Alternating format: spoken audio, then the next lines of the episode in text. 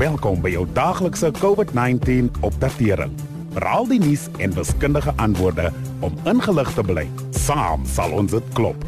Aangebied deur die Departement van Gesondheid en SABC Radio. 'n Goeie manier om te evalueer hoe goed ons besig is om COVID-19 te bestuur, is om elke dag met die aantal aktiewe gevalle tred te hou. Indien die hoeveelheid aktiewe gevalle stabiel bly of minder raak, beteken dit ons strategie is geslaagd. Vir die afgelope 10 dae was ons getal aktiewe gevalle redelik stabiel. Dit was deurlopend om en by 50000 infeksies met 'n wisseling van slegs 3 of 4%. Daar het 'n paar gevalle met 'n groot hoeveelheid infeksies voorgekom wat met spesifieke superverspreider geleenthede verband hou.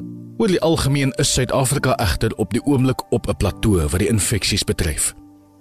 Woensdag het die minister van Samewerkende Regering en Tradisionele Sake, Nkosazana Dlamini-Zuma, die nasionale ramptoestand met nog 'n maand verleng. Sy het verduidelik dat die langer periode nodig is sodat die kabinet tyd kan hê om maatreëls in plek te kry om 'n tweede vlaag van die pandemie te voorkom.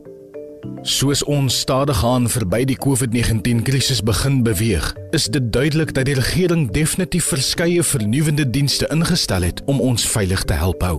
Slegs die tyd sal egter leer of hulle daartoe in staat was om 'n plan te skep en in werking te stel waarmee die land herbou kan word.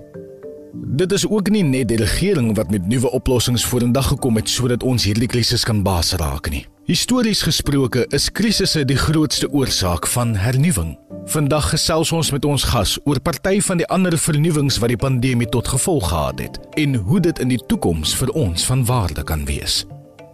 As jy aan die einde van hierdie insetsel enige vrae het, onthou om ons Sikaba COVID-19 Facebook bladsy te besoek en dit daar te laat. Ons sê goeienaand aan Mil Mansfield. Sy is van die DG Murray Trust. Mil, het daar enigiets positiefs uit die COVID-19 pandemie gekom? Dit voel 'n bietjie aardig om te sê met die dat COVID soveel spanning en hartseer gebring het, maar dit het ook tot groot spronge in navorsing en globale samewerking en innovasie gelei. As ons terugkyk na die geskiedenis, sal ons sien dat elke groot wêreldgebeurtenis, soos globale konflik of 'n pandemie, op 'n of ander manier innovasie aangespoor het. Uh dis omdat die mees verrykende innovasie baie keer uit nood eerder as gerief gebore word en 'n dringende probleem vra vir 'n kreatiewe oplossing, die herbenutting of aanpassing van goed vir nuwe gebruike en dit vorm die kern van innovasie. Uh in die geval van COVID het ons gesien dat China binne 'n skaam 'n skamele 10 dae hospitaal gebou het. Um in Suid-Korea uh, kon dit regkry om slimfone te gebruik om 'n intydse kontakopsporing te doen. Die ontsluiting van tegnologie en hulpbronne om dit te kon doen het direk ontstaan uit die behoefte om COVID-verwante probleme op te los. Nou, dit het op allerlei gebiede gebeur sedert COVID uh, begin het.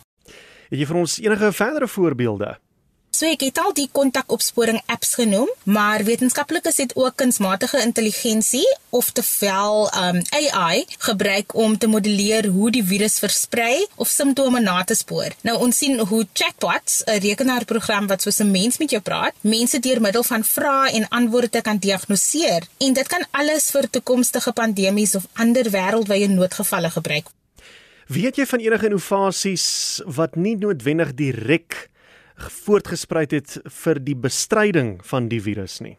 Ja, beslis. Kyk net hoe die kwarantyne en inperking allerlei domino gevolge vir industrie gehad het. Die mense skielik by die huis moes bly, was daar 'n groot sprong vorentoe in ontwikkeling van hulpmiddels wat uh, dit vir mense moontlik maak om tuis te kan werk. Baie spanne het nou aanlyn vergaderings of gebruik aanlyn programme wat samewerking fasiliteer. Studente kan aanlyn van die huis af leer. Uh, wat ook beteken hulle word nie beperk tot waar hulle fisies woon nie. Uh, Tegnies gesproke kan jy enige plek in die wêreld werk en uh, deur enige skool studeer. En in Suid-Afrika het die meeste hulpbronne vir universiteitsstudies niks van jou data gebruik nie, want toegang tot sulke webwerwe is dateloos beskikbaar gestel. Nou op 'n ander noot het afleweringsdienste deur middel van apps en aanlyn winkels baie gewild geword. Uh, nou dit was reeds uh, voorheen moontlik, maar COVID het 'n kritieke behoefte daarvoor laat ontstaan en die stelsel het um verbeter om dit die norm te maak. En ek dink die grootste nalatenskap is dat baie van hierdie nuwe kanale na COVID sal bly voorbestaan.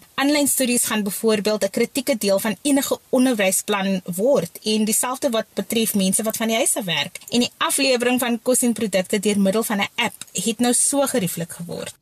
Jy het ook gepraat van datalose webwerwe vir onderwyskursusse.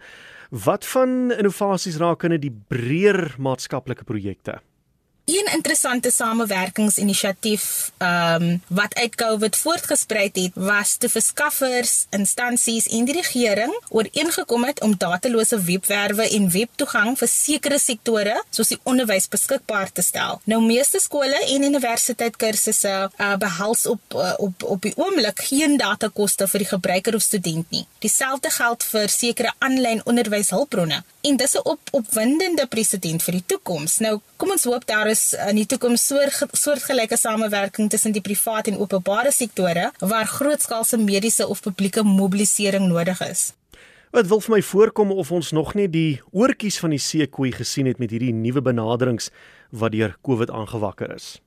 Absoluut. Ek dink ons gaan van nou af baie meer innovasie op meeste gebiede van die lewe sien. Ek dink die belangrikste ding wat ons met COVID gesien het, is dat geen enkele funksie of industrie alleen kan staan nie. Ja, COVID het innovasie aangedryf, maar dit het ook samewerking bevorder. Vir die eerste keer in 'n lang tyd sien regerings, instansies, entrepreneurs, innoveerders en gewone mense die waarde daarvan om saam te werk om die manier waarop dinge werk te verbeter of te verander. En dis die opwindendste aspek van waarheen ons nou op pad is. En so gesels Mil Mansfield van die DG Marie Trust. Jy kan maandag weer by ons aansluit en dan gaan ons kyk na die ontwikkeling van COVID toetsing. Dit is in hierdie einste tyd geleef. Ons doen dit weer van maandag af om kwart voor 6.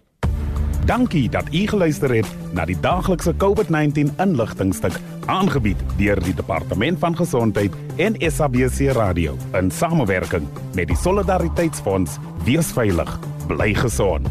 Saam sal ons dit klop. Suid-Afrika.